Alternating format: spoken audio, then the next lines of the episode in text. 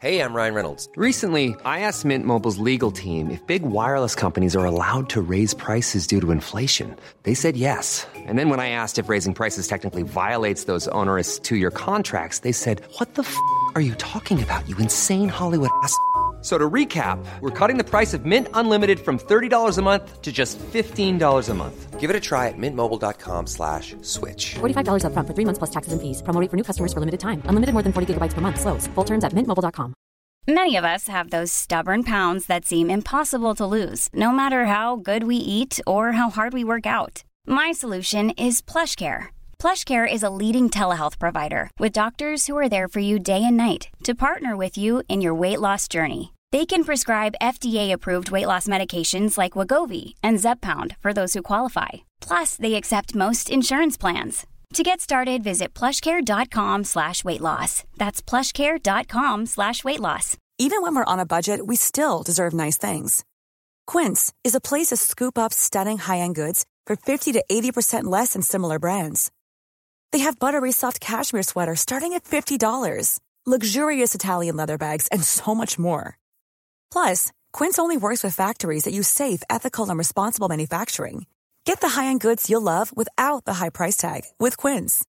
Go to quince.com slash style for free shipping and 365-day returns.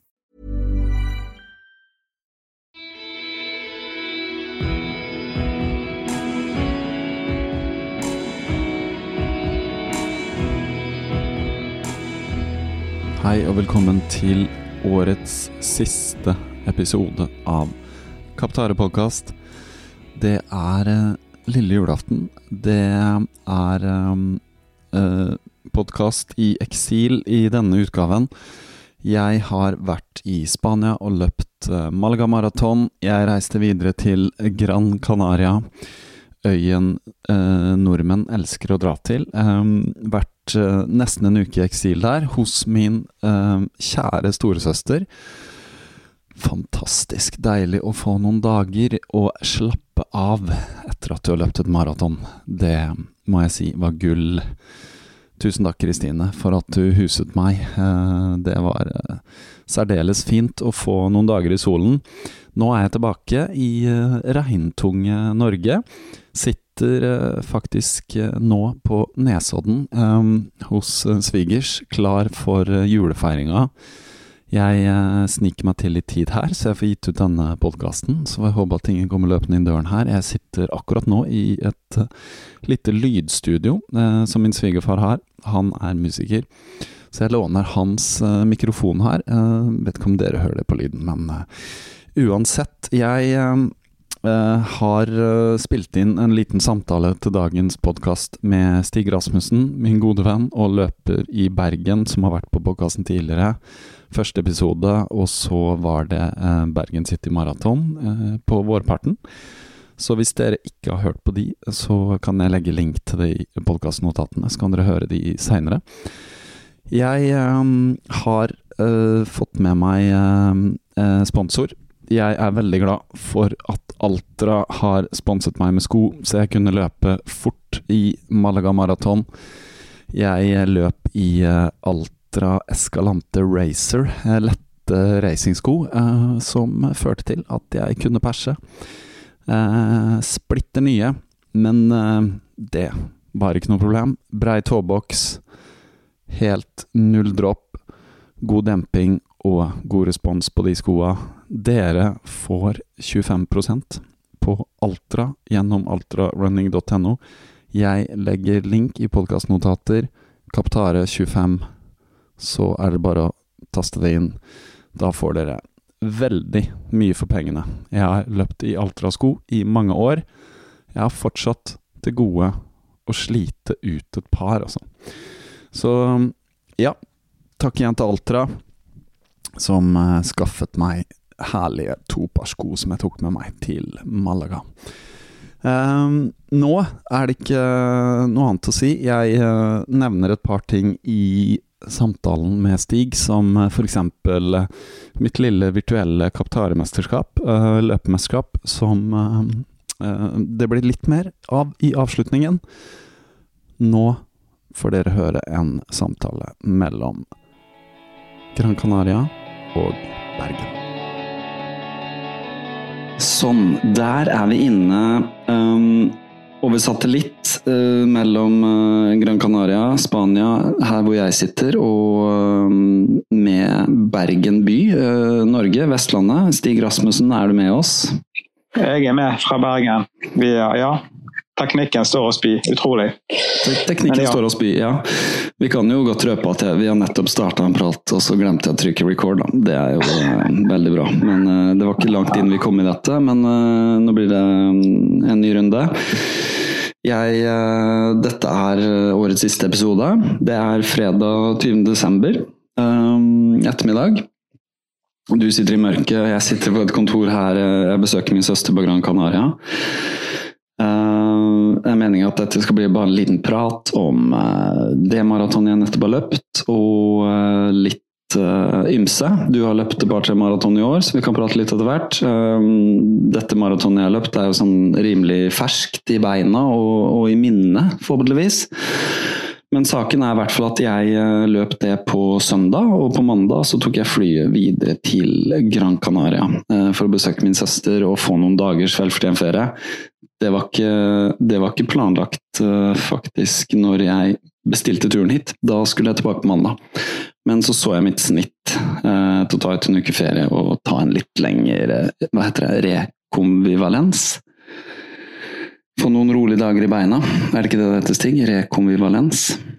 Eller Rekonvalens, eller ja. ja. Jeg tror vi vet hva jeg snakker om. Og det har jeg fått, fått veldig bra til.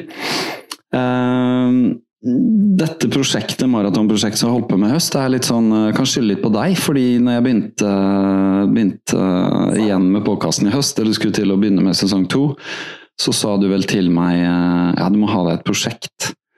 Og da er Et løpeprosjekt, et maraton. Og så var jeg litt sånn maraton, du vet. Vi løp jo maraton i Bergen sammen i fjor, hvor jeg ikke hadde verdens beste opplevelse. Og kanskje vært litt sånn Du vet, brent barn skyr ilden, hvis det går an å si det.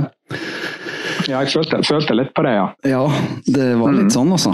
Det ble litt Jeg vil ikke si jeg ble redd, men det var sånn at jeg tenkte at hvis jeg skulle løpe en maraton til, så skal jeg være litt bedre forberedt. Men det er greit. Jeg, jeg tror noen ganger på at um, man burde erfare ting ved å gå litt på trynet, og så, og så lære en lekse, og så er det bare på'n igjen. Så, så, jeg gikk i hvert fall på nett og på en eller annen webside, World's Marathons, et eller annet sånt og sjekka hva er det i desember som jeg kan løpe, og da dukka det opp i Malaga 15.12., hvor uh, jeg uh, meldte meg på. Og blanda det kanskje litt med dette Valencia-maratonet som var nå 1.12. Jeg, eh, jeg, var ikke så klar over at det, det er et ganske stort løp, Valencia maraton, så vidt jeg har forstått, hvor Sondre Nordstad Moen løp rimelig fort nettopp. Og dette Malaga-maratonet er jo selvfølgelig mye mindre. Vet du hvor mange som starter i Valencia, Stig?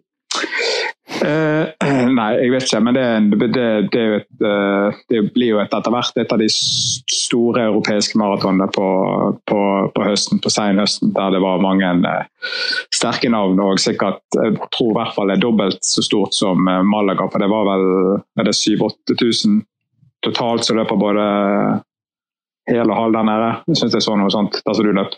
Det kan nok være. Så, ja. Det var nok 3000, tre, rundt 3500 uh, som fullførte maraton. Ja. Så var det en god del halvmaratoner òg, uten at jeg vet så mange.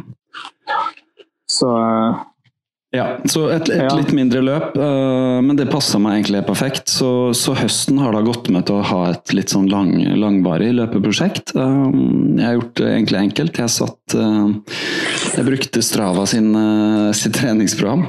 Da setter du bare opp når du går løpet, og så får du jo ukentlige løpeøkter. og jeg vet at det er sånn det er en intervallisk økt på tirsdag og en tempoøkt på torsdag, og så er det langtur søndag. Så du har oversikt hele veien. Alt annet imellom er eh, rolig, ikke sant? i diverse lengder og tid. det er vel oppgitt på tid du skal løpe, og ikke lengde, distanse. Og den tiden kan variere fra liksom løp 50 minutter til en time og 10 minutter. Så, så jeg har fulgt det ganske bra, og følt at treningsopplegget har vært godt. Jeg har fått uh, trent bra. Uh, fått noen virkelig bra uker etter hvert òg, som det nærma seg. Jeg var oppe i en nærmere 80 km, som vel er distanserekord for meg på en uke, og hadde også månedsrekord noensinne. Uh, forrige rekord var vel sånn 2 par og 70 fra før Bergen i 2018. Nå var jeg vel oppe i 2,80, og det er vel det du løper eh, fram til 14., det kanskje, Stig? Ja, det har vært noe sånt i det siste, ja. Ja, det har vært en voldsom mengde, men i hvert fall for en fyr som meg, sånn midt på treet-type. Eh, litt høyere enn midt på treet, da, eh, hvis jeg skal ta det slik. Men eh, uansett, eh, bra distanse, eh, og ikke minst langturer. Fått opp en del par 30-turer og sånn. Eh, så det har vært trent godt, og ikke vært noen kjepper i hjula før kanskje litt sånn på slutten. De siste ukene så ble det litt eh, småsykdom på barn og litt sånn ymse der. Kjente det litt selv, og uka før nå så var jeg faktisk uh, ikke helt i slag, også uka før jeg skulle reise. Eller samme uke som jeg skulle reise, så jeg, jeg valgte å ikke løpe noe jeg, når det er nedtrapping. Absolutt siste uke, så jeg løper ingenting. Faktisk fordi jeg kjente at jeg brygga på noe. og Lille jenta måtte komme hjem fra skolen en dag, og det var litt sånn, så jeg eh, Ja. Jeg, jeg bare kryssa fingre for at å ta det med ro førte at jeg ble frisk. Så når jeg reiste på fredag, så hadde jeg ikke løpt en meter. Men heldigvis så fikk jeg meg en liten tur lørdag kveld, og med et par dager ok søvn der i uh, Malaga, så var jeg klar altså søndag. Følte meg veldig klar. Um, hvordan er det for deg, forresten? Uh, det var litt nerve for meg. Hvordan er det for deg før du skal løpe et maraton, du som har løpt såpass mange? Kjenner du på noe natta før? Nei, men du tror jo alltid du som, Eller oftere enn Det skjer vel Ja, det skjer ganske ofte at uh, du kjenner jo ekstra på, gjerne ekstra på uh, hvordan, hvordan er formen og hvordan er helsen. og så, ja, kanskje, Du skal ikke innbille deg noe, men jeg har en sånn tendens til å føle at det begynner å bli litt sånn ja, snufsen og litt sånn de dagene før og tenker at nå, nå brygger jeg på noe og sånt. Men, uh, men det har som regel gått, uh, gått bra. Da. Men jeg tror det var uh, altså, sånn som du gjorde det nå med å, med å ta det med ro hele uken der, siden du kjente på noe når det var en uke før maratonet. Det tror jeg kanskje det tror jeg kanskje er smart. Eh, å bare ikke pushe, pushe noe, for da er jo du Du har jo gjort, eh, har jo gjort jobben sant, med treningen fram til, og den siste uken er jo er jo bare nedtrapping. Sant? Så hvis du Så ja, jeg tror kanskje det var, var bra at du gjorde det på den måten. At ikke du eh, slet deg ut for å absolutt løpe noe tvinge inn noen uh, kilometer den, uh, den, uken der. Ja, jeg visste at det var lite jeg kunne gjøre, også, fordi formen er jo der. Formen forsvinner jo ikke. Uh, det grunnlaget som er lagt, det forsvinner ikke. Så, så, er det mange som sier at oppretthold litt sånn intensitet i beina og sånn. Gjør øktene kort og kjør på litt mer intensitet. og det, det er nok smart, det. Men ja, for et, for et langløps og et maraton så tror ikke jeg de små intensive øktene samme uke har så mye å si. Altså. Det er et utholdenhetsløp, vil jeg si. Mm.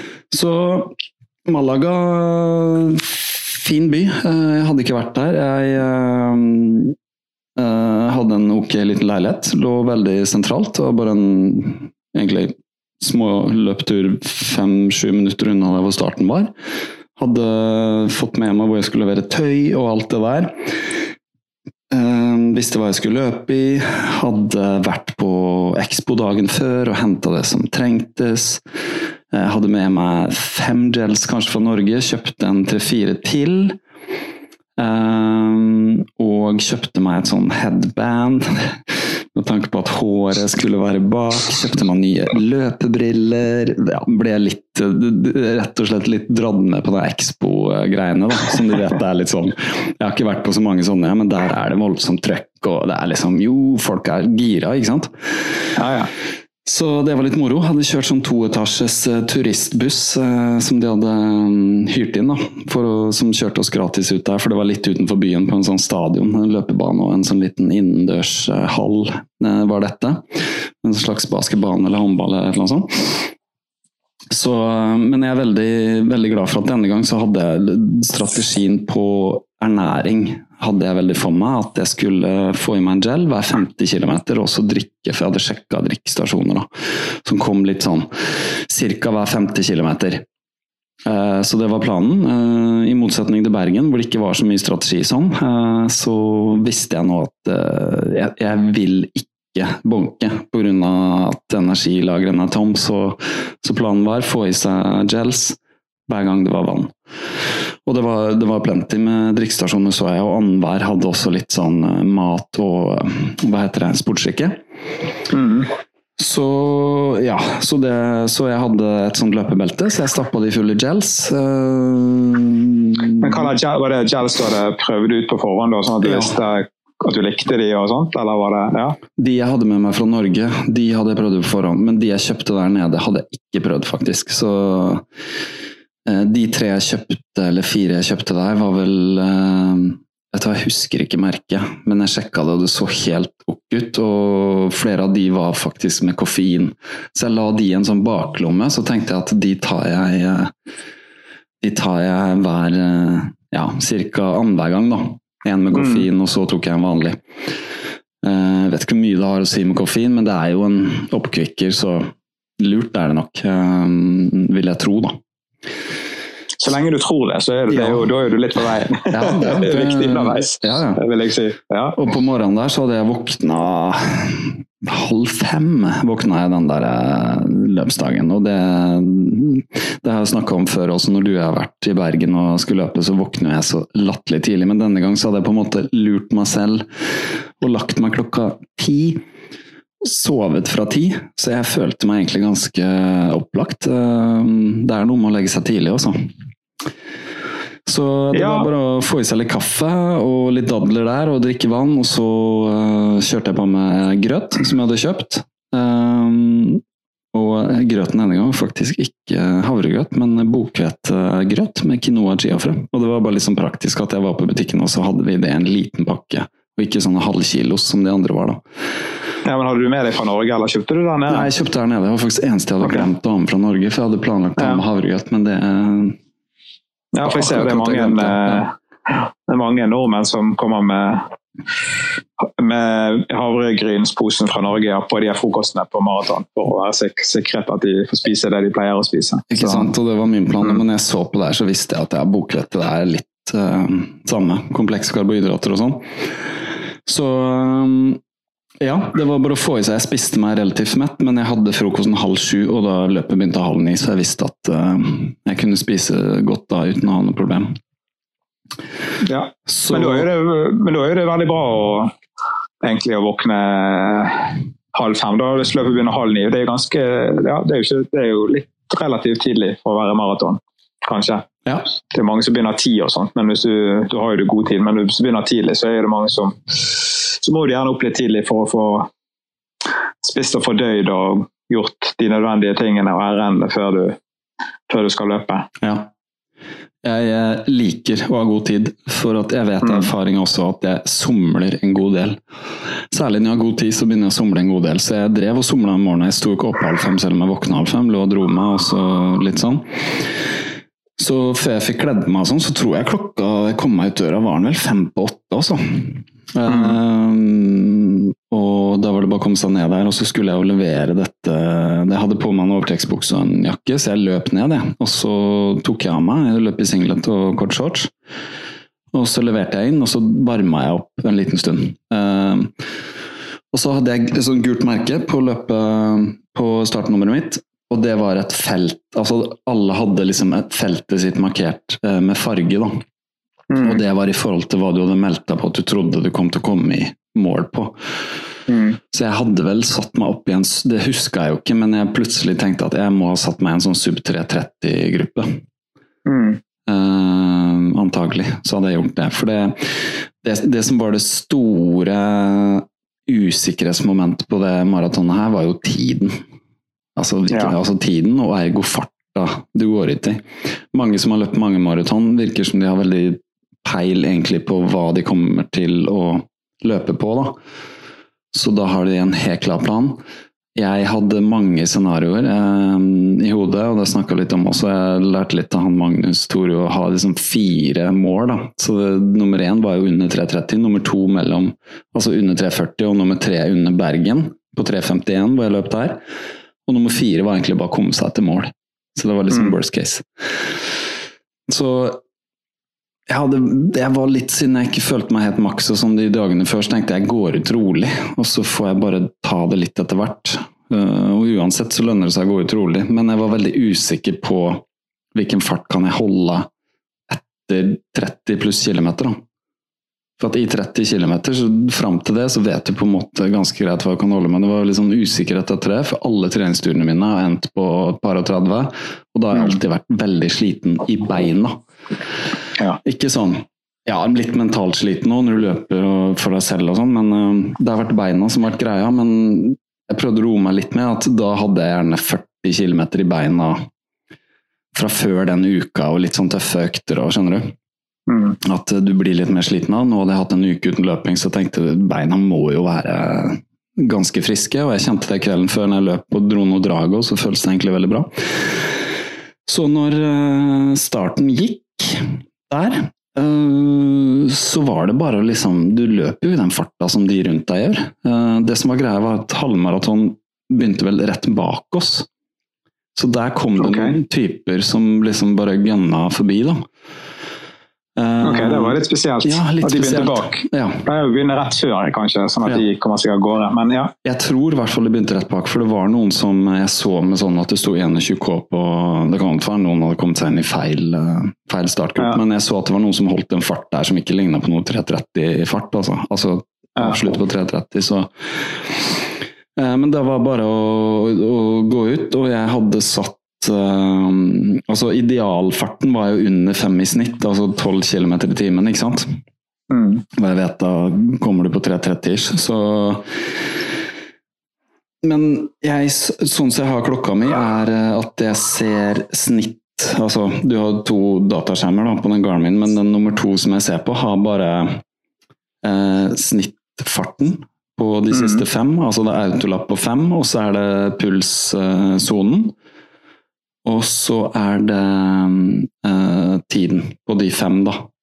Mm. Og så på hoveddelen av klokka så har jeg totaltid, totalavstand, eh, snittfart på hele løpet og reell fart. da. Men jeg ser ikke på reell fart, for at det blir du lurt av. Ikke sant? På GPS. Ofte så viser den pluss-minus ti, altså ti sekunder på, på kilometeren, ikke sant. Så jeg så bare på, på snittfart, og den lå jo brått på som 5.10-5.15 eh, den første kilometeren der. Gikk litt opp. Bare løp eh, i den farta som føltes helt bedagelig. Jeg så på snittpulsen at, eh, eller pulsen min, at den lå i sone 2. Jeg visste det er jo helt kurant. eh, Helt øverst i sone 2. Men så tok vi en sving, og så begynte det å gå nedover mot sjøen, og da gikk jo farta naturlig opp. Og så så jeg at den krøp under fem minutter på kilometeren i snitt. Og var nede på 450-tallet, og da tenkte jeg bare ok, da forsøker jeg å holde det.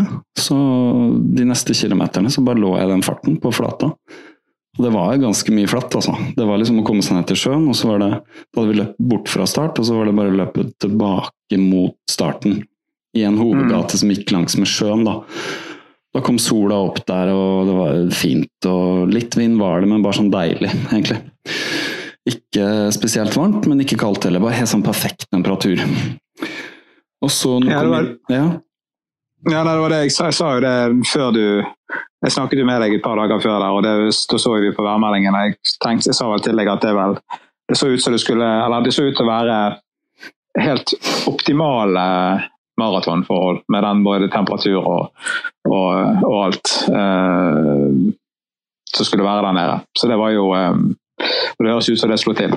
Det slo til. Jeg vil si at det var ikke helt eh, optimalt også. Mm, temperaturen på morgenen der. 12 grader før sola sto opp, og så krøp det sakte oppover. Um, Mm. Litt varmt på slutten, det var det, men det var bare helt på slutten. Um, så når vi hadde nærma seg første, når vi passerte på fem, da så jeg at den gikk under 25 minutter. Jeg tenkte mm. perfekt, egentlig. Uh, men kanskje det er litt fort, hvem vet. Men det bare føltes innmari bra. Tok meg vann, uh, tok første gelen, og så løp vi utover på havna, forbi et fyr, og så helt ut på en sånn kunstig lagd molo, da.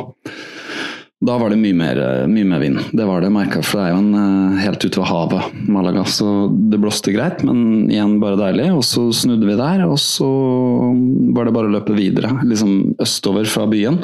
Og da fulgte et langt strekk igjen.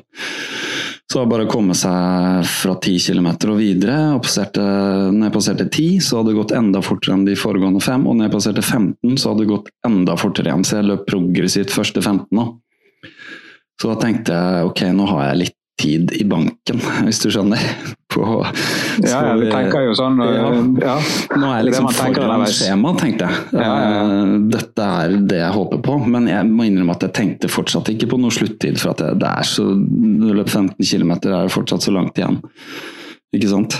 At eh, Ja, det... det- er, det, 15 km føles langt, men fortsatt 27 igjen. Ikke sant? Men det som skjedde da, var at når vi snudde for løpet tilbake til byen Ja, forresten, før det så hadde elitefeltet kommet, da. For at det var jo sånn en, en runde, ikke sant. Og så lå det i motsatt kjørefelt, hvis du skjønner. Så da så jeg teten. Ja. Og det går fort, altså. Det var en gjeng med kenyanere. Jeg tror de første fem plassene i mål var kenyanere. Ja. Så, og så kom det liksom en del andre solo og to og tre og sånn etter hvert. Um, Og så kom damene, og så ja. Og så så jeg ikke noe mer til det, egentlig. Um, Men når jeg snudde og så løp opp en liten bakke, og så returnerte på en måte mot byen. Og når jeg kom til 17 km, så begynte jeg faktisk å få vondt i framsiden av leggen, på høyre legg. Og det var sånn at det, det var litt plagsomt. Jeg tenkte hva er dette? Dette har jeg ikke kjent på noen treningsturer eller noen ting. Altså, jeg har ikke hatt den vondtere uten å bli sånn muskulært da, når jeg har løpt. Og litt på innsiden av kneet, faktisk. På siden av kneet, på høyre kne. På langturer. Men det her var sånn Hva er dette for noe? Skjønner du? Så jeg ble litt sånn mm, Dette virker ikke bra. For det var sånn at akkurat det ble litt, litt mer plagsomt etter hvert. Så når jeg kom og passerte halvmaraton, eh, så tenkte jeg faktisk at jeg må gjøre noe, så jeg justerte egentlig farta, steget, og begynte å løpe fortere, da. Skjønner du? Det var akkurat som jeg Mm. fikk opp, liksom, prøvde å få opp kadensen litt, og bare få et litt annet steg. Ja. Eh, og det fungerte faktisk. Så de neste, de neste ti kilometerne, som var rimelig flat, hvor vi løp mer eller mindre Vi passerte sentrum igjen der, løp rett fram, så skulle vi ganske langt vestover igjen. Da. Og da tror jeg det er nesten en ti kilometer som går rimelig rett fram. Det var mine raskeste ti kilometer, faktisk. Så den raskeste femkilometeren gikk fra da 21 til 26, og så litt ned igjen, men allikevel de ti kilometerne der var de raskeste. Så det, det sier litt at man har man har mulighet til å justere og øke farten litt, for det hadde han Magnus sagt til meg på forhånd at ikke gå ut for treigt heller, for det er vanskelig å justere opp farta etter hvert. Og det skjønner jeg, for du må faktisk Du må jo innstille deg på det, at du skal løpe fortere. Eh, Men det var ikke noe tegn til å være sliten. Eh, Men man ble litt sånn lei, for det var bare så langt framover. Altså, det var så Det var så rett, da. Ja. Ikke sant? At man blir nesten litt sånn Nå må det skje noe snart. Ja. Ikke sant? Og da var det ganske god spredning eh, og sånn til folk, så Men det, det, det var et godt strekk også. Um, så når jeg kom til 30, og vi skulle faktisk innom denne stadion um, Denne stadion som vi hadde vært på Expoen dagen før, og da løp vi innom en løpebane. Så det var liksom Jeg tror vi tok 300 meter da, på løpebanen. Ja. Og da husker jeg at jeg passerte en dame som hadde varegg på, på trøya si, på singleden. Er ikke det en bergensklubb? Vare, jo, jo, det er, ja, det er absolutt. Så jeg bare sånn passerte Og det må sies at jeg passerte folk jevnt og trutt hele veien. Um, og mens jeg er inne på det, så kan det godt ha det jeg sjekka på, på resultatlistene. Fra 10 km, som var første splittplassering, da, hvor de tok på en måte plasseringen din, til jeg var i mål, så løp jeg meg opp 350 plasser, tror jeg. Ja, men det er jo, da har du disponert bra. Ja. Eller de andre som disponerer litt dårlig, da. Ja, du har disponert bra, du må holde ved det. Du ja. tenke på de andre. Nei, det er ikke det. Tøys litt. Ja. Men i hvert fall så Men da, da, var det, da var det begynt å bli varmt, øh, og da kom det litt mer sånn svinger og sånn. Øh, Vi runda denne stadion og tilbake, og da begynte jeg å kjenne at øh, jeg var litt sliten, egentlig. Det var 30 pluss. Og da var det litt sånn ned under en bro og litt sånn, men da begynte jeg å komme inn i litt mer sånn urbant område igjen. Eh, litt smalere gater, ble liksom litt tettere med folk, men jeg seg forbi folk, altså. Eh, jevnt og trutt, og følte meg bra. Men når det nærma seg 35, da begynte jeg å tenke at åh, dette er så langt. Det er så langt, og det er så langt igjen. det var det jeg tenkte da. Ja. Og det var sånn åh, må jeg helt opp der og rundt, og hvor snur vi, og hvor er liksom, Skjønner du? Du begynner å tenke sånne tanker da. Eh, men jeg turte ikke å se på, på tiden, altså totaltiden. Jeg hadde den fortsatt på fem km i snittene. Mm. Eh, men så så jeg, og jeg merka også at farta gikk sånn gradvis nedover, da. Eh, jeg begynte å bli sliten. Så da Så jeg vil vel si at de siste fire-fem så var farta Det ser jeg også da på splittene, så var farta Gikk over fem kilometer på, på kilometeren. Og da var det Da var jeg sliten, men jeg var faktisk ikke så sliten muskulært som jeg har vært på treningstur, altså. Så Nei. det føltes uh, mye bedre. Men det var sånn at du er både sliten og stiv. Jeg vet ikke hvordan du opplever det siste. Jeg husker jeg spurte om det før jeg dro. Hvordan har du det? Hvor er du sliten når det nærmer seg slutten? Og da sa du vel Mm. låra, for jeg sa jeg blir så sliten i lårmuskulaturen.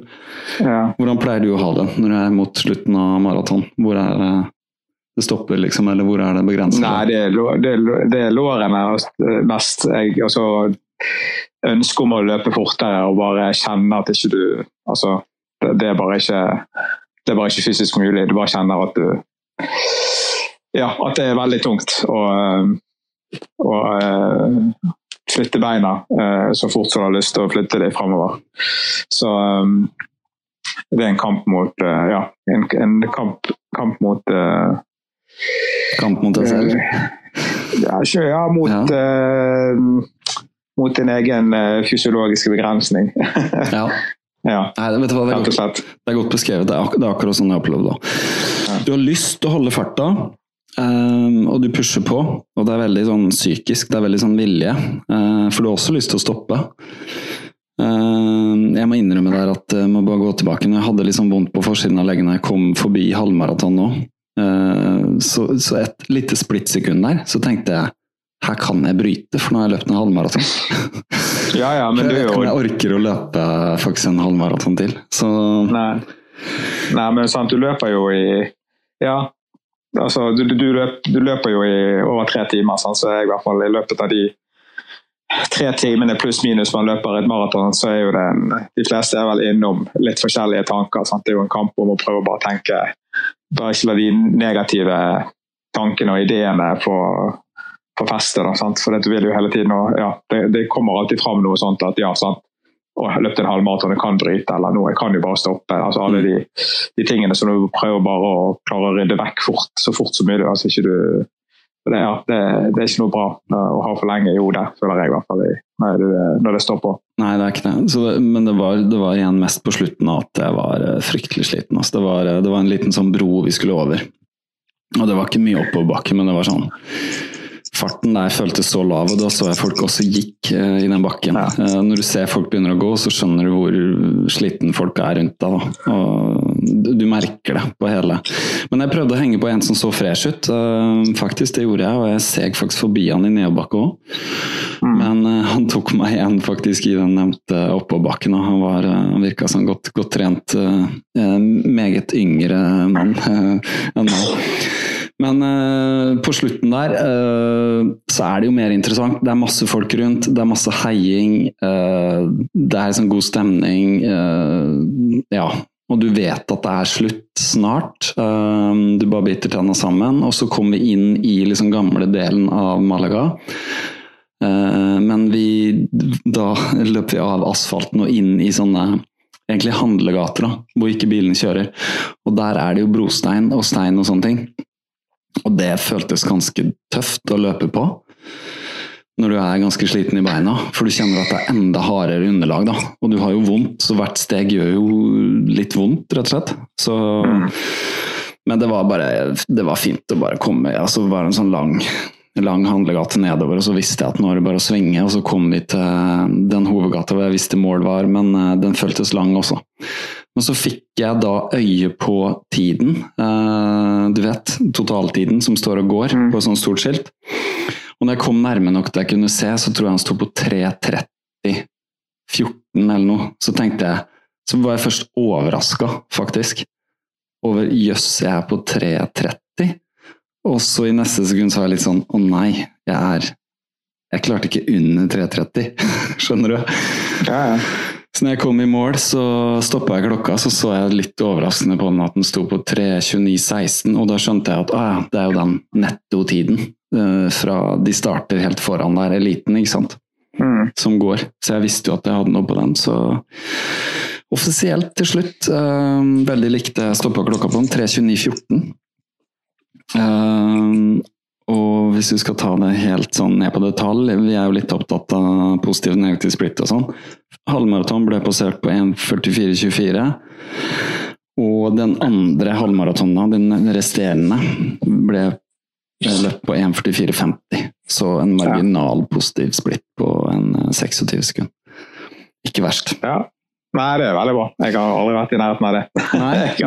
nei, jeg, har, eh, jeg er mer positiv, mer Ja. positiv enn som så. Ja. Mm, Eh, men nei, nei, men det er jo Ja, men det, må jeg altså Bare for å jeg, jeg hadde jo, Vi snakket jo litt før, sant? og jeg sa jo det at du Jeg tenkte at du klarer eh, At du hadde mulighet til å klare med den treningen du har lagt ned. og og, sånt, og, og at du hadde mulighet til å klare 3.30 hvis, du- hvis det klaffet bra og, sånt, og du hadde dagen. mm. Og så var jeg litt sånn, sånn at Skjønte at ikke du var helt eh, siste uken ikke var helt optimal. og, og litt sånn, Så jeg var litt jeg var usikker når det, når den, på den søndagen hvordan det kom til å gå. Så jeg ble utrolig Jeg ble ikke, jeg ble ikke overrasket, men jeg ble veldig, veldig glad da, på dine vegne for at du klarte det eh, med sånn fin margin. Det er jo veldig, ja. Så det var, det var imponerende. Ja, nei, veldig bra. Takk for det. Ja, det er, jeg, jeg er veldig fornøyd. Jeg syns det er veldig bra. Sånn, I den store sammenheng så er ikke 3.30 noe god tid på maraton, men for meg så følte jeg fikk tatt ut potensialet da, som jeg hadde. Og jeg klarte å disponere det bra, og jeg var ikke minst når jeg kom i mål, det jeg følte på, var en enorm lettelse. Det var det, var det jeg følte. Av to grunner. Jeg er i mål, jeg slipper å løpe mer, og faktisk det som jeg var litt opptatt av. Eh, I andres øyne så er det også bra, tenkte jeg. At jeg liksom hadde klart å leve litt opp til dette jeg har snakka om. da. For at det er jo sånn Man legger jo et visst press eh, på seg selv når man på en måte er Når jeg sitter og snakker om det ikke sant? Ut, ut i verden der, da. Og det er jo, den, den saken har på en måte to sider. Eh, ja. men, uh, så det, det føles veldig godt. Uh, men ikke minst syns jeg det var veldig gøy. Det var veldig gøy. Jeg hadde hatt det gøy, og selv om jeg var sliten på slutten, og det var litt sånn lange strekk og litt, sånn kjedelig og sånn, så var det mest av alt bare gøy. Gøy å være med, liksom. Bare føle seg en del av noe, selv om man var der nede alene og sånn. Jeg hadde ikke truffet på noen før. Eh, Jeg traff på rett etter at jeg hadde gått og henta tøyet mitt og gikk tilbake. Eh, Nei, vent, eller var det ja, Skal ikke si om jeg hadde henta tøy eller ikke, for jeg husker ikke, men jeg traff på hun med vareegg. Eh, Singleten, og mannen hadde også Vareg-singlet. eh, Og to, eh, slo en prat med de. De var fra Bergen og hadde begge, tror jeg, satt ny pers. Husker ikke hva det het. Um, han hadde løpt under tre. 2,54 og noe. Ja. En litt eldre mann, kanskje han var Ja, det er ikke godt å si, men han var kanskje rundt 50 eller noe sånt? Ja, jeg ja, nei, jeg så det var, det var en reportasje på Kondis om eh, løpet. Jeg vet ikke om du har eh, lest den. Men, eh, ja.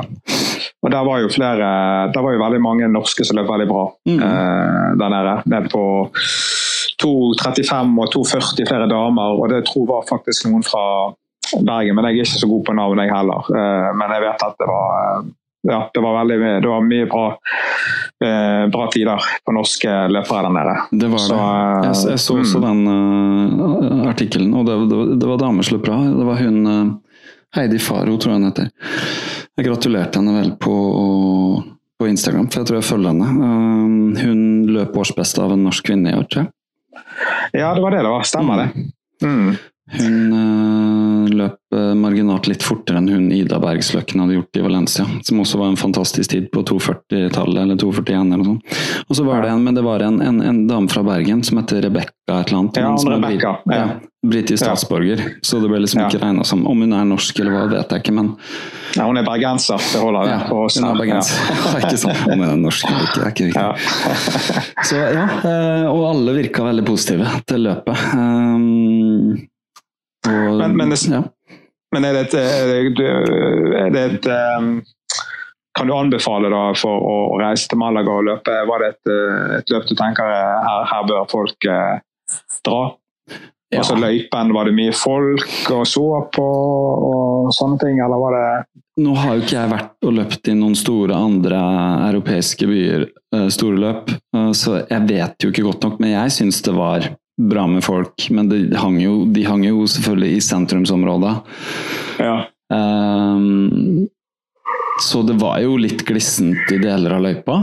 Um, men sånn løypa i seg selv vil jeg si var veldig fin. Um, det er på en måte et bymaraton, så det er vel nok litt som mange maraton er.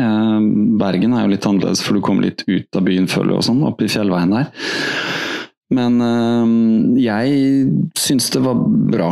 Eh, men som sagt, erfaringsgrunnlaget mitt er jo ganske dårlig. Jeg har ikke løpt i Men, jeg, men sånn opplevelse som by og sted og stemningen før og stemningen etter og sånn, det Ja, helt topp, syns jeg. Pass, passelig stort var det òg. Ja, nei, de det virker jo Ja, nei, det virker veldig altså, Det er vel lett eh, sånn logistikkmessig med fly ned til Malaga fra, fra solhungrige Norge, pluss at eh, ja, temperatur og sånn klima virker jo som det er ganske Det er jo ganske stabilt året rundt der nede på at, Eller ikke året rundt, men at det er ganske stabilt på, på denne årstiden og med at været er ganske ofte veldig behagelig. Så det teller jo litt når du først skal reise et sted. Det var ikke noe regn mens jeg var der. Jeg skulle regne Nei. litt dagen etter, og sånn, men eh, det kan nok eh, komme litt eh, plask og sånn. Men temperaturen på dagtid var gikk opp igjen 16-17, tenker jeg. Så jeg var bra varm og svett når jeg kom i mål. Var, men da var jo klokka blitt Ja, nå var det blitt tolv, da. Mm. Så da står jo sola høy, rimelig høyt på himmelen. Og så blir det varmere utover oss, og det kunne ikke begynt noe seinere, egentlig. Det kunne ikke, men det er ikke noe problem med starttiden. Nei. Når jeg er innstilt på å stå opp tidlig. Så ja, jeg kan anbefale det. Eh, Jeg ser nå, for jeg følger de på Instagram, at prisene er veldig lave da, for å melde seg på. Jeg tror det var 25 euro ja, for å melde seg på før 25. 25. desember. Det er lavt. Eh, Jeg betalte vel en 45 når jeg bestilte, Ja. som også er lavt. ja, nei, det er ganske lavt, ja. Det er det i Det er forhold til. New York og Berlin og London og de store. Så Ja, hvis men de ja. ja. Hvis ikke, si, hvis ikke man er veldig opptatt av tider, for det er ikke, sikkert ikke verdens raskeste løype, men det er fullt mulig å løpe fort, og det så du jo på de som løp. Og det var Ja, veldig, det var det veldig jeg- mye gode Ja. Vinnertiden var på to timer og ti. Ja. Det er bra, det. Ja da, det, det er absolutt det, altså. Så ja, jeg kan anbefale det. Um, det er sikkert lurt å være tidlig ute. Jeg var tidlig ute, så jeg hadde billig fly og relativt billig sted å bo. Um, jeg syns det var ok å gå rundt og finne fram, og den gamle delen er kjempefin. Masse ålreite restauranter og kafeer og Ja, jeg var ikke sånn Jeg hadde litt plan om å gå på sånn eh, Picasso-museum, men det fikk jeg faktisk ikke gjort. Men jeg var oppe på en veldig fin sånn borg som ligger litt ovenfor byen her, oppe på en høyde, dagen før. Så det er fint, eh, en fin liten by. Det er det. Ja, ja men det får noteres. Ja. Det er, eh, nordmenn liker jo eh, å gjøre det også, å ha mulighet til det. Reise rundt og løpe maraton. og Det var mitt første, men eh, det var moro, altså. Hadde sikkert vært gøy om du og jeg hadde gjort det sammen, som vi snakka om litt før, at du skulle vært med og sånn, men det får bli seinere en gang. Det får vi ta igjen. Ja, vi får ta det igjen. Men ja, så etter det nå så har jeg ikke løpt noe særlig. Jeg har bare tatt det helt med ro her nede. Vært litt rundt og titta. Men jeg løp faktisk en tur med min niese i dag, som øh, driver og trener og løper litt. Ja. Så det var hun som dro i oppoverbakken. Altså. Jeg kjente det var ikke så jævlig mye gi fortsatt. Nei, men du må jo, nå må jo du et par uker her, nå må jo du ta det litt piano, så Ja, beina får eh, seg, muskulaturen får komme seg litt igjen. Ja, det er jo en den har, påkjenning. den har faktisk kommet seg veldig bra. Eh, Jeg hadde vondt to steder når jeg kom i mål. Jeg hadde veldig vondt på høyre på innsiden av kne. eh, En eller annen senefeste der. Og så hadde jeg veldig vondt oppå venstre vrist. Så det er mulig jeg hadde knytt skoa litt tight eller noe sånt. Ehm, jeg vet ikke, men eh, det ga seg i løpet av en dag eller to, heldigvis. Og muskulært har det vært helt greit. Det har ikke vært støl Det var litt støl i leggene. Det er det eneste. Ja. Ellers har alt kommet seg ja, veldig bra, vil jeg si. Så ja. Men eh, ja, så offseason nå, ta noen uker av. Jeg tror det er viktig. Jeg tror det er viktig noen ganger. Og nå skal jeg bare mm, jeg, jeg, jeg hadde jo et eh, årsmål i år som var 2019 km, som jeg har hatt hvert år, samme som året. Det baserte jeg såpass tidlig at jeg måtte finne meg et nytt mål. og da så jeg leste boka til Andreas Humpland, og han skrev at han pleide å løpe det som tilsvarer Norge på langs med veien. da. Ja. Og det er 2377 km, og det satte jeg meg som mål for uh, noen uker siden. Og det lå jeg helt fint an til, og det tror jeg skal klare. Det er bare en uh, underkant av 30, tror jeg. Så er jeg der. Så jeg må bare løpe en rundt 25 km den siste uh, halvannen uka nå. Det, det må ja, men det klarer du. Ja, klarer alle, innimellom all julematen. Ja, ikke sant. Når jeg kommer, kommer hjem. Men eh, du har jo hatt eh, også et uh, veldig bra år med løping. Også persa på maraton. Du har løpt noen flere. Kan ikke du bare ta kjapt uh, hvor mange maraton du har løpt, og hvordan det gikk? Eh, jo, jeg løp eh, Bergen City Marathon i, eh, det er i slutten av april. Stemmer det? Da, jeg bare Unnskyld avbryter, men da, da var jeg der løp halv, og da lagde jeg en podkastepisode etter den. Så hvis noen ikke har Ja. hørt den, så er det bare å gå tilbake. Ja. Husker ikke den- ja. Nei, det var vel i mai, begynnelsen av mai sikkert den kom ut, kanskje. Ja, Men, det var eh, men da snakket vi vel om det løpet der. Ja, det gjorde vi. Ja, og så løp jeg eh, altså løp tre maraton på fem uker der. Jeg, altså i, det, eh, rett eh, i rundt 20. Rett etter 17. mai, ja. Eh, 20. mai tror jeg det var, så løp jeg eh, København maraton. Og det var jo da tre uker etter Bergen. Ja. Og da løp jeg eh, Ja, så satt jo pers i Bergen, og så satt jeg, eh, senket jeg den ytterligere i København. Eh, Mm. 3.10, 3.11, det var noe sånt der jeg løp på. Mm. Uh, og det var jo Da løp jeg sammen med Jan Espen, eh, vår bergenske venn i eksil i, i Danmark. Så han er, bor i København, så det var veldig det var veldig uh, kjekt å kunne treffe han. og han ordnet, Jeg fløy faktisk ned, jeg syklet til Flesland på morgenen. Uh, og tok flyet, uh, bare med en sånn liten tøybag med, med klesskift. Mm. Og så hadde um, Jan Espen eh, hentet uh, bib og sånt eh, dagen før på Expoen. Uh, du trengte ikke å møte opp personlig, så jeg dro bare rett til uh, Traff han og dro rett til start. Og så eh, var det en fantastisk flott dag i, i København. Drømmedag med kjempeflott vær, ganske ok.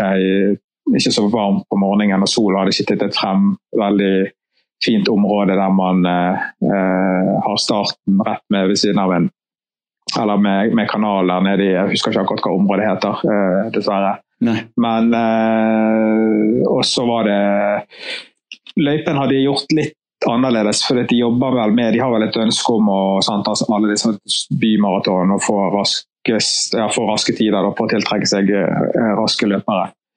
Så eh, jeg løp eh, Ja, jeg satte ny rekord, som jeg sa. Eh, løp eh, jeg husker ikke helt sånn i farten, men jeg løp jo positiv splitt, for det gjør jeg alltid.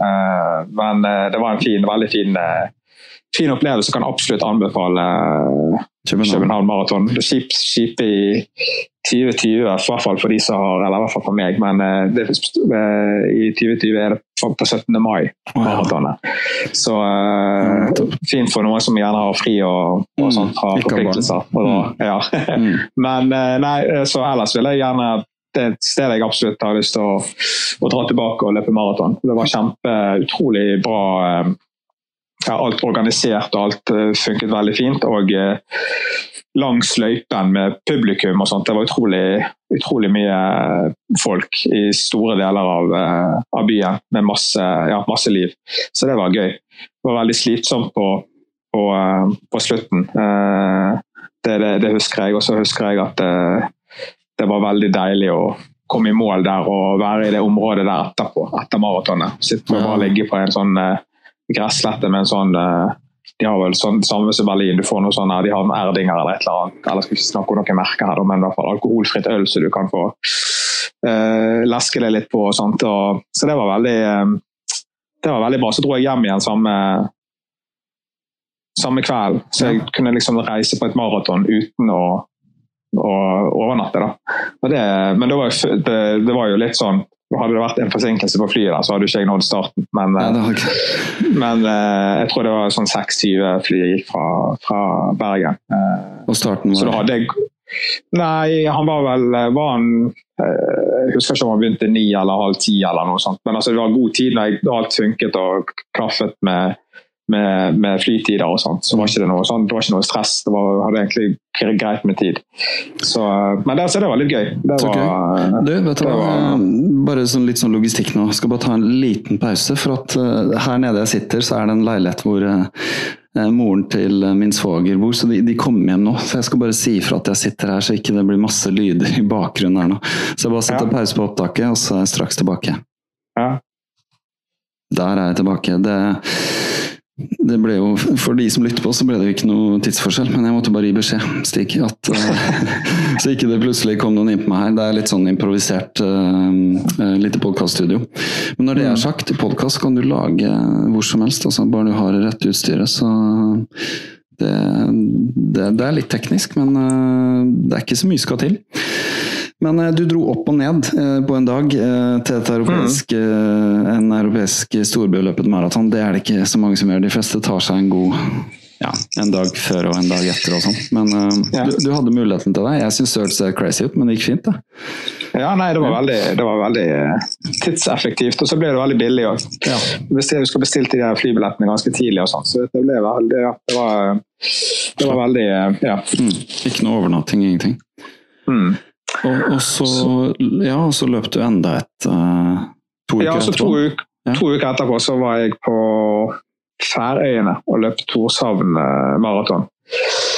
Uh, og det var, en, det var, noe som jeg var Der var jeg på en tur med, med en god del uh, forskjellige folk fra, fra, Norge og fra det store utlandet. Vi var en, en god gjeng som leide noen hus oppe i, i Torshavn, og så var vi og så på all den flotte naturen som er på på Færøyene. Eh, samtidig som Eller kombinerte det med, en, eh, med det maratonet, da. Mm.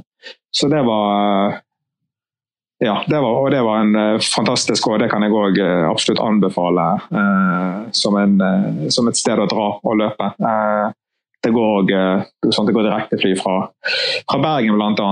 rett opp, eller rett ut. så det er ikke lenger tur enn det du tar vel omtrent det samme som det tar å fly til København, tror jeg. å fly over der. Ja.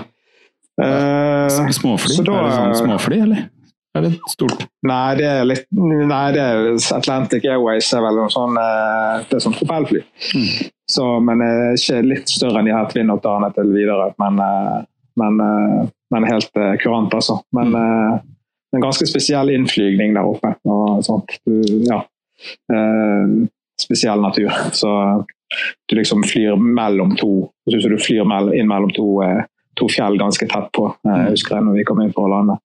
Men, eh, nei, men det var, der løp jeg. Da hadde jeg to sant, hadde jeg løpt to maraton jeg hadde to maraton i beina på de, fra den siste måneden. Mm. Så jeg så da hadde ikke jeg noe sånn Pluss at den løypen i, i Torshavn den er liksom, den kan sammenligne den best med den løypen i Bergen mm. med høydemeter på omtrent det samme. Kanskje det er litt mer høydemeter. Okay, ja, du løper eh, først en sløyfe inn i Torshavn, og så løper du ut av Torshavn, og så løper du inn i bunnen av en fjord og ut på andre siden, og så tilbake igjen samme veien. Mm. Uh, og der er litt, uh, så det er ikke samme. Du løper ikke to, uh, du løper ikke to sløyfer sammen, men du løper tilbake den veien du kom. Og Der er det en god del en god del bakker, og de, kommer, de verste bakkene kommer på slutten. Når du skal tilbake igjen. Mm. Så, eh, men jeg løp vel på 3.22. Mm. Så det var jeg eh, veldig fornøyd med. Det var veldig utrolig dårlig vær. Det blåste og regnet var helt vanvittig. Og da hadde det vært ganske ok vær før. Men den dagen vi løp, så ble det kjempe, kjempedårlig vær. Mm. Og eh, det pleier å være ganske Du ser på bildene de har fra fra maratonet der oppe, så pleier det å være ganske ok forhold, men det er gjerne rundt sånn ni-ti grader, og det er jo noe kanskje mange vil si er veldig, veldig fin eh, temperatur å løpe i maraton i. da. Men her var det litt kaldere, Ja, det ja, blir vått. Ja, men når det, når det blåser og regner, så, så er det litt eh, Ja, da blir det litt mer utfordrende. Mm. Men, eh, men det var veldig gøy. Eh, det er jo et mye mindre maraton. så her, der, er sted, der kan man dra og få seg en plassering, og jeg kom på niendeplass, så jeg er jo veldig fornøyd med det. Yes, ja.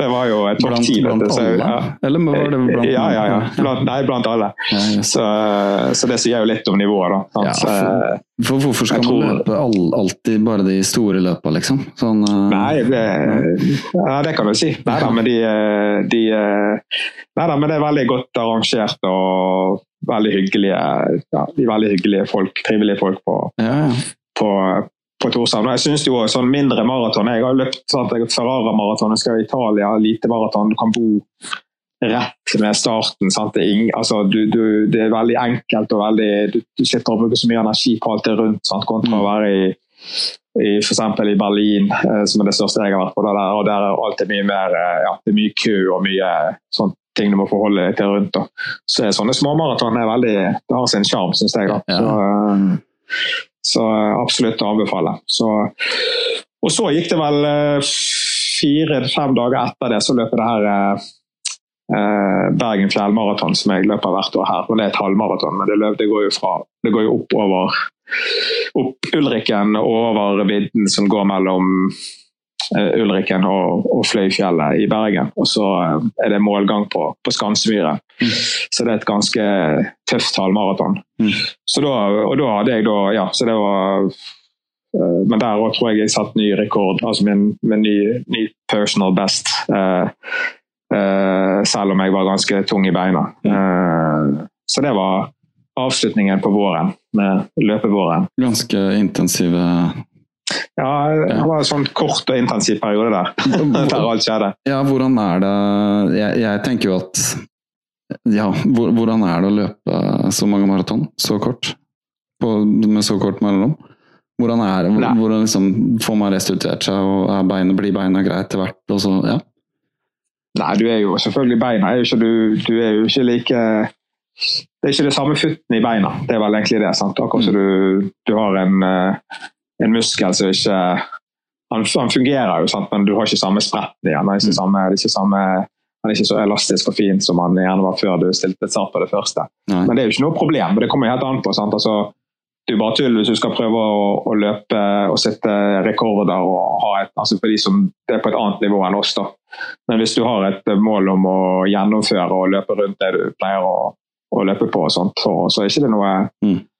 altså hvis, ja, På det rundt det nivået som er sant? Hvis jeg sier at jeg er mellom eh, 3.10 og 3.30-løper, så er du så er noe Så går det fint. Men, eh, men det er vel jeg tror Ideelt er det nok ikke. Men eh, Men jeg ser jo at du, du klarer det antagelig fordi at du, du løper såpass mye også.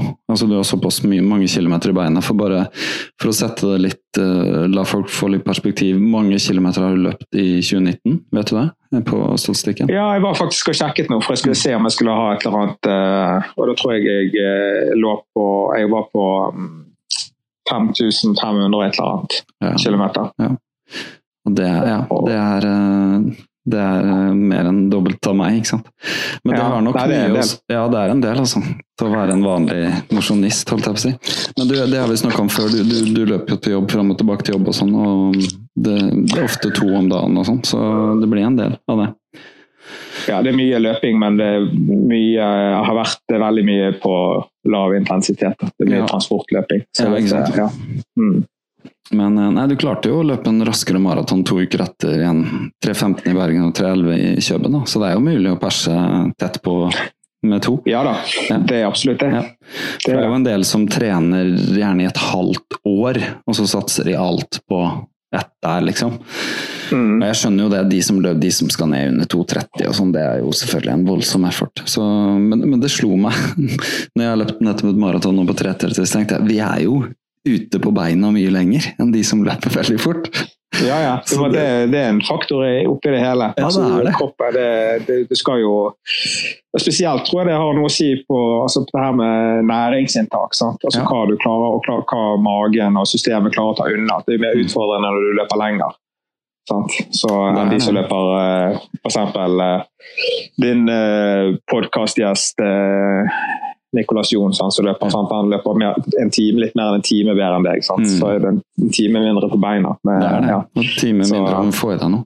Når det, når det, er sagt med næringen, så eh, bare ta det, for det er litt viktig hvis, hvis noen tenker å løpe maraton og ikke har naila helt det der med inntak også. Så det var jo sånn at jeg hadde jo ikke lyst på disse gelsene og dette vannet og sånn. Det er noe med at du løper der, så føler du verken på sult eller tørste, men jeg er innmari glad for at jeg putta det i meg hver gang. For det er jo det du har igjen da, når du kommer til slutten. Når du begynner så tidlig å ta inn næring, så er jo på en måte det Det, blir jo en buffer på det du forbrenner i kroppen nå, sånn at på slutten så har du det igjen der, da. Og da må du begynne å ta inn tidlig, altså. Eh, og så må du ta inn når du ikke har lyst. Eh, og det, sånn det var i Malaga, var at vi fikk flasker, ikke kopp. Mm. Jeg fikk vannflasker, til og med sportsdrikke var i flaske, og det, det syns jeg var greit, for da tok jeg flaska, drakk, og så kunne jeg løpe videre uten at jeg sørte ut noe vann, da. For det klarer du ja. ikke med kopp, ikke sant? Nei. Da prøver du bare å sluke alt mens du går hjem. Sånn, så jeg løp hver eneste gang jeg tok inn, og gelsen gikk greit. Jeg husker det, jeg hadde kjøpt en gel som var sånn mojito-smak. Så jeg tok i begynnelsen og var sånn mm, mojito, ja, det var veldig digg, liksom. Og så husker jeg den siste gelen jeg tok. Og da var jeg kanskje et eller annet sted på 30-tallet, og på 30-tallet, og det var første gang at jeg da faktisk eh, gikk mens jeg drakk vann og tok den, og da husker jeg det var en sånn solbærgel, og den bare smakte. Da var jeg lei, altså. Det var, sånn, det var litt sånn kvalmende, og jeg følte at jeg var litt sånn jeg hadde ikke så lyst til å ta inn noe mer, eh, så jeg tror jeg skippa ett et sånn, en sånn drikkestasjon på slutten hvor jeg bare løp forbi. Men alltid tok ja. jeg vann, og jeg helte litt over hodet, og jeg helte litt faktisk bak på ryggen og alt det. Um, og ja. ja. Så, du tok for deg? Jeg gjorde det. Det er lurt. Ja. Um, så, Nei, men det er jo det som det, det er sant som det sier, at sant, hvis du du kjenner at du blir tørstig eller sulten, så er det for seint. Ja, du må være i forkant. Ja. Det er jo det som er nøkkelen. Det er det som er nøkkelen. Jeg kjente jo når jeg kom i mål at jeg hadde jo svetta så mye. Altså, du vet hvordan det er å løpe maraton. Du har helt salt, alle de mineralene som er svetta ut igjen. Du bare kjenner jo det. De, de har tørka, så er det helt sånn Jeg så på han som jeg snakka med, han var helt hvit i ansiktet av saltet, ja. liksom. Du mister ganske mye, så ja. Eh, men utenom dette så har du Ja, du har ikke hatt noen store løp siden. Eh, jeg vet at du hadde din første eh, DNF på det lange, lange Bergen rett vest, holdt jeg på å si. Styrkeprøven rett vest. Ja. Da var du vel dessverre ja. syk, egentlig, som gjorde at du måtte bryte? Ja, det er egentlig det som har preget hele høsten, for jeg har vært syk ja, jeg var nok syk, uh, mer syk da enn jeg visste. Altså, jeg, uh, jeg måtte bryte der etter fire fjelltopper og fire timer i en voldsom ja, vind. Og, men det er ikke sånn, du kan ikke bare bryte midt oppå Du kan ikke bare stoppe midt oppå fjellet. Eller Du må komme deg til et sted som er, det går an å, å komme seg av gårde med noe transport. Så da måtte jeg bare stå i det litt lenger enn det som sikkert var lurt. Da. Men mm men ehm, ja, så jeg, etter det så har jeg egentlig uh, Det har vel preget hele høsten, egentlig. Jeg, for jeg hadde egentlig planer om å, å være med på et løp i, eller, ja, i løpet av et maraton nå i høst, men det har ikke blitt til. Så nå får vi se i hva 2020 bringer. Så, har, har, du noen umiddelbare planer, eller noen uh, løp planlagt? Eh, jeg skal løpe, Det eneste jeg vet jeg skal, er, det er at vi skal reise en gjeng, de som var på Færøyene. Vi skal ned til eh, Dolomittene og løpe et sånt løp i Dolomittene i slutten av september. Mm. Eh, sånn fjell eh, ultraløp skal jeg løpe, eh, men det er vel rundt 50 km, tror jeg det. Mm. De har mange løp i Dolomittene, så det her er et av de. Så, mm. så det er vel det eneste jeg vet. Så, så får vi se hvordan det blir med jeg skal nå løpe Bergen City, men om det blir hel eller halv, det vet jeg ikke helt. Og så har vi noen sånne her, en ganske sånn fin sånn maratonkarusell her i, i, Bergen. Så jeg prøver gjerne å få med meg noen av de. De begynner allerede i januar. Det er en i januar, februar, og så har de ja, de har vel seks eh, løp i løpet av året, da, som er forskjellige typer maraton. Så blir det vel forhåpentligvis en eller annen maraton i en by et sted i, ute på kontinentet. Du har jo bare- par av de. Eh, ja, nei, uh, jeg har ikke planlagt Bergen City, men jeg skal si det offisielt nå. Jeg må prøve å komme meg en tur til Bergen. Uh, det snakka jeg med Niklas Jon om. Det har vært veldig gøy å vært med på um, dette helge... eh, de morsomhetene som skjer i helgen, som sammenfaller. Først parkrun, og så det Mikeller-klubbløpet, som du Ja, ja, ja. står for. Ja, Så nå sier jeg det offisielt, jeg må prøve å få til Stig i løpet av våren. Ja, ja men det, det har vi jo Det går an å gjøre hver måned. Ja, ikke sant? For det samme- Litt det sammenfaller hver måned. Ja, litt sånn lavterskel til Bergen der. Ja. Eh, Du vet, jeg har ikke vært der i høst, ikke fått det til, og savner jo Bergen jeg er borte. Mm. Fra, så Ja, det, det skjønner jeg. det, det skal vi finne ut av.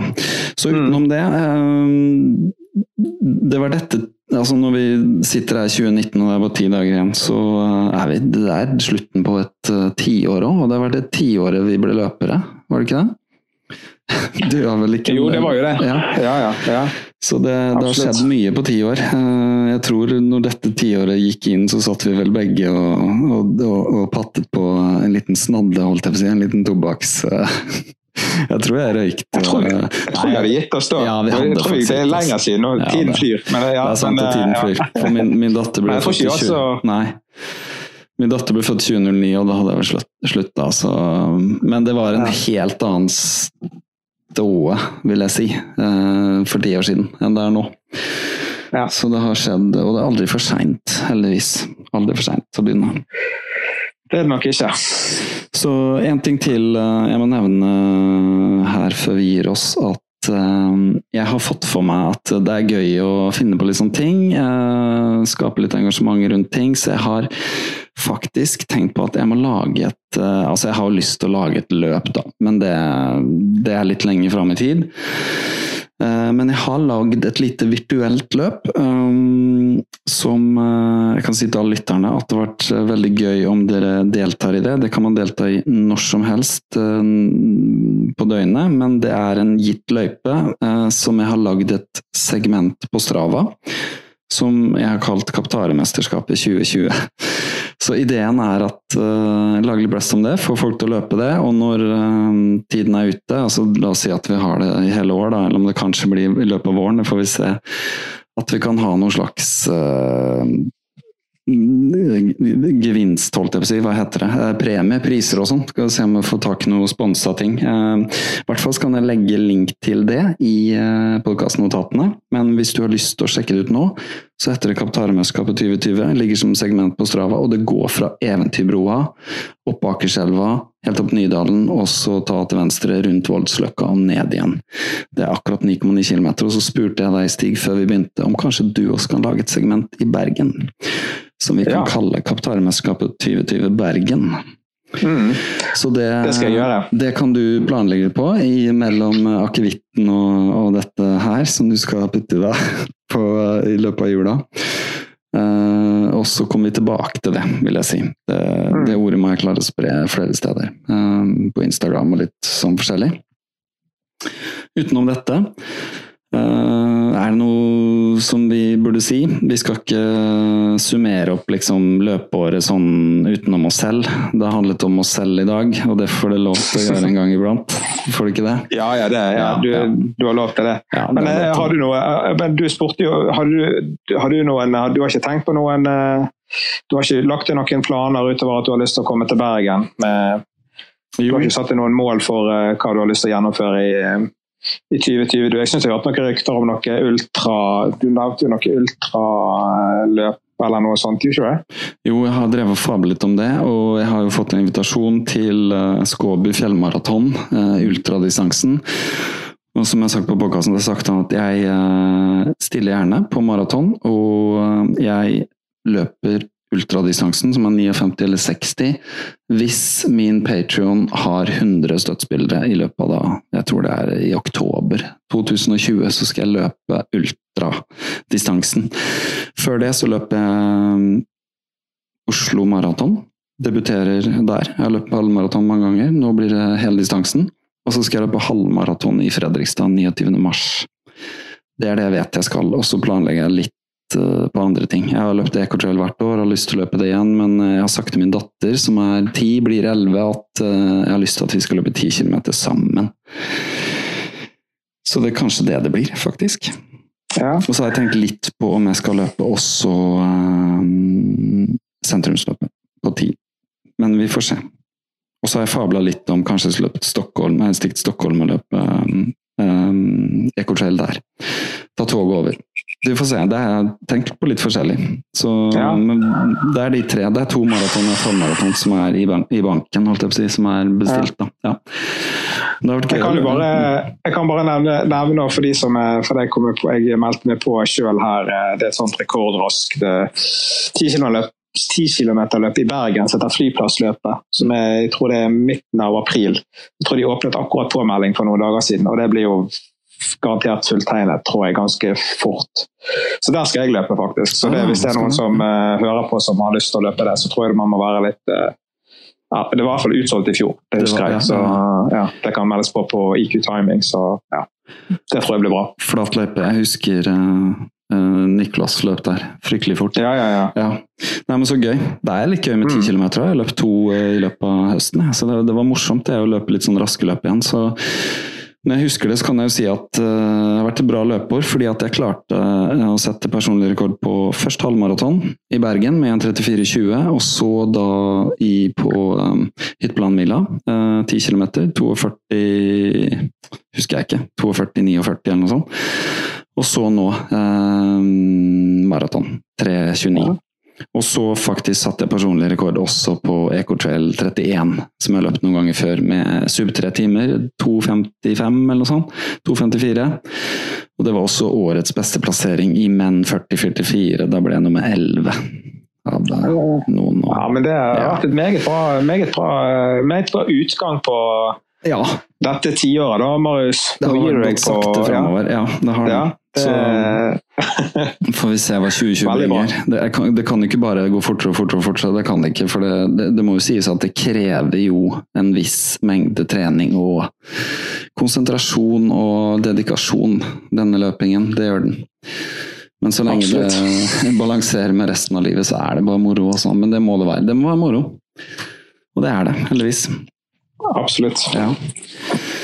Men da skal vi si det, at da går du tilbake til eh, Jeg vet at du sitter på kontoret på jobb, så du kanskje får dra hjem, og så får jeg gå opp og, og ta meg et glass eh, naturvin. Det skal jeg faktisk gjøre nå.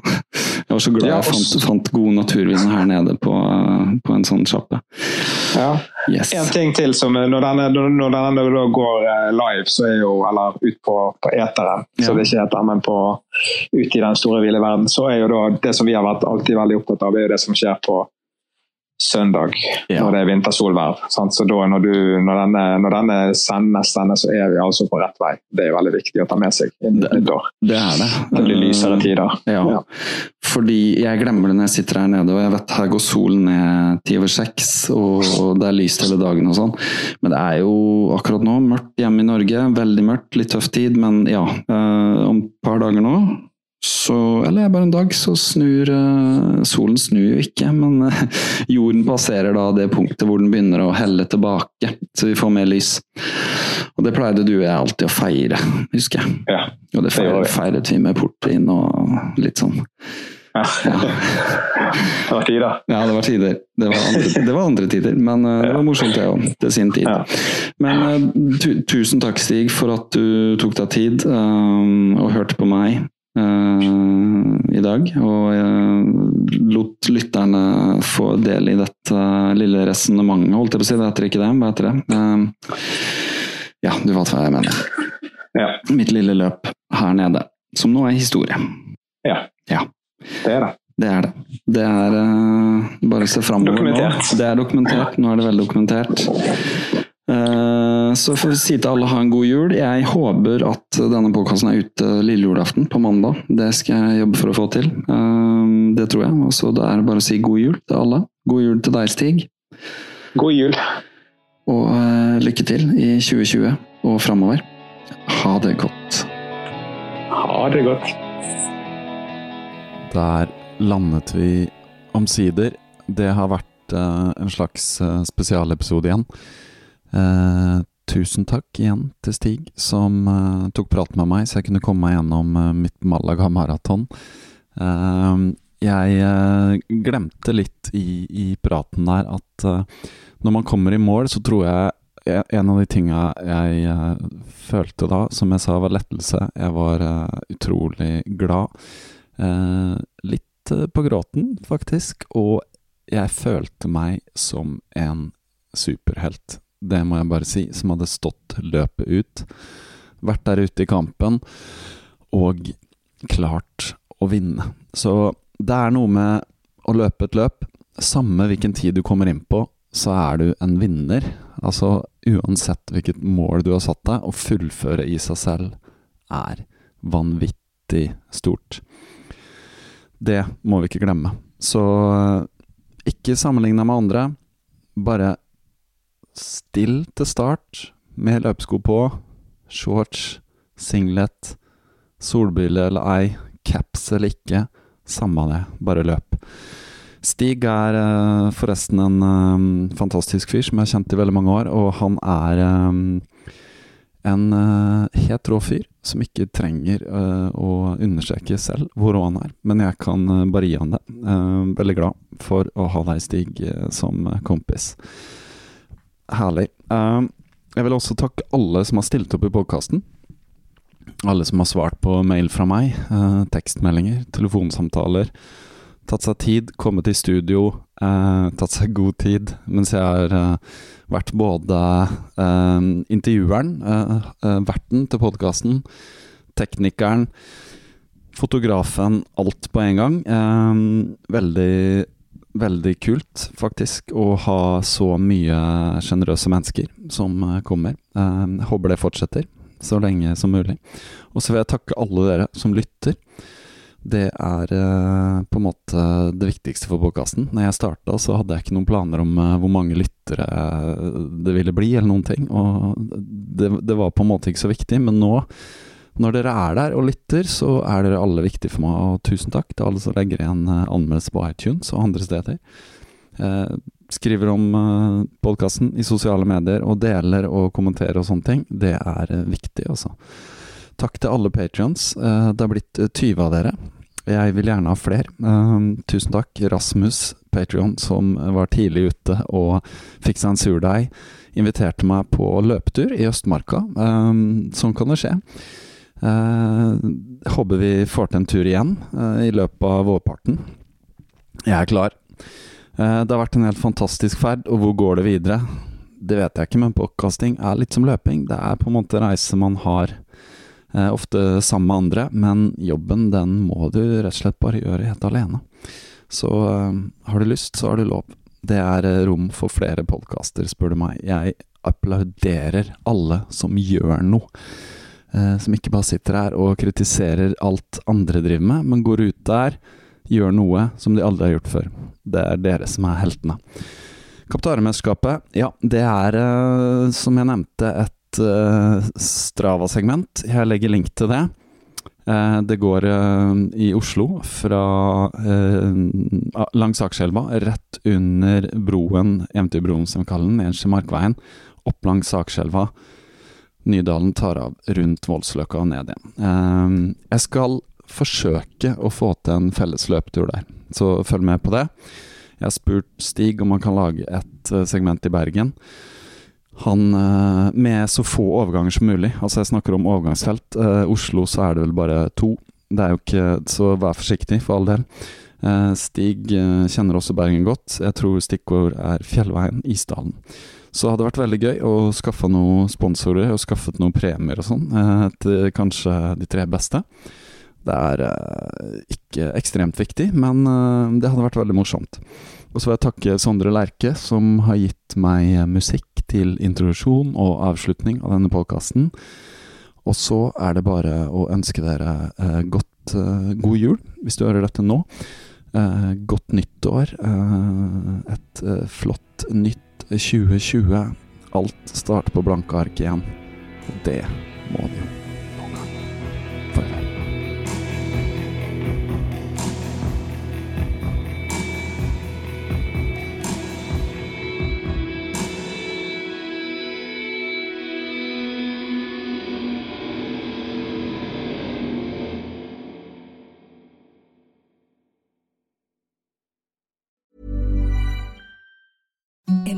the softest sheets you've ever felt. Now imagine them getting even softer over time. That's what you'll feel with Bowl and Branch's organic cotton sheets. In a recent customer survey, 96% replied that Bowl and Branch sheets get softer with every wash. Start getting your best night's sleep in these sheets that get softer and softer for years to come. Try their sheets with a 30-night guarantee. Plus, get 15% off your first order at bowlandbranch.com. Code BUTTERY. Exclusions apply. See site for details.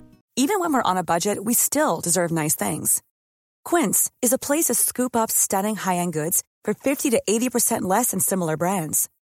They have buttery soft cashmere sweaters starting at $50, luxurious Italian leather bags, and so much more.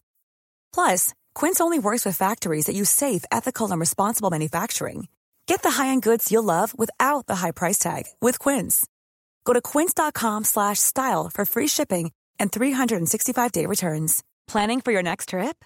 Elevate your travel style with Quince. Quince has all the jet-setting essentials you'll want for your next getaway, like European linen, premium luggage options, buttery soft Italian leather bags, and so much more. And is all priced at 50 to 80% less than similar brands.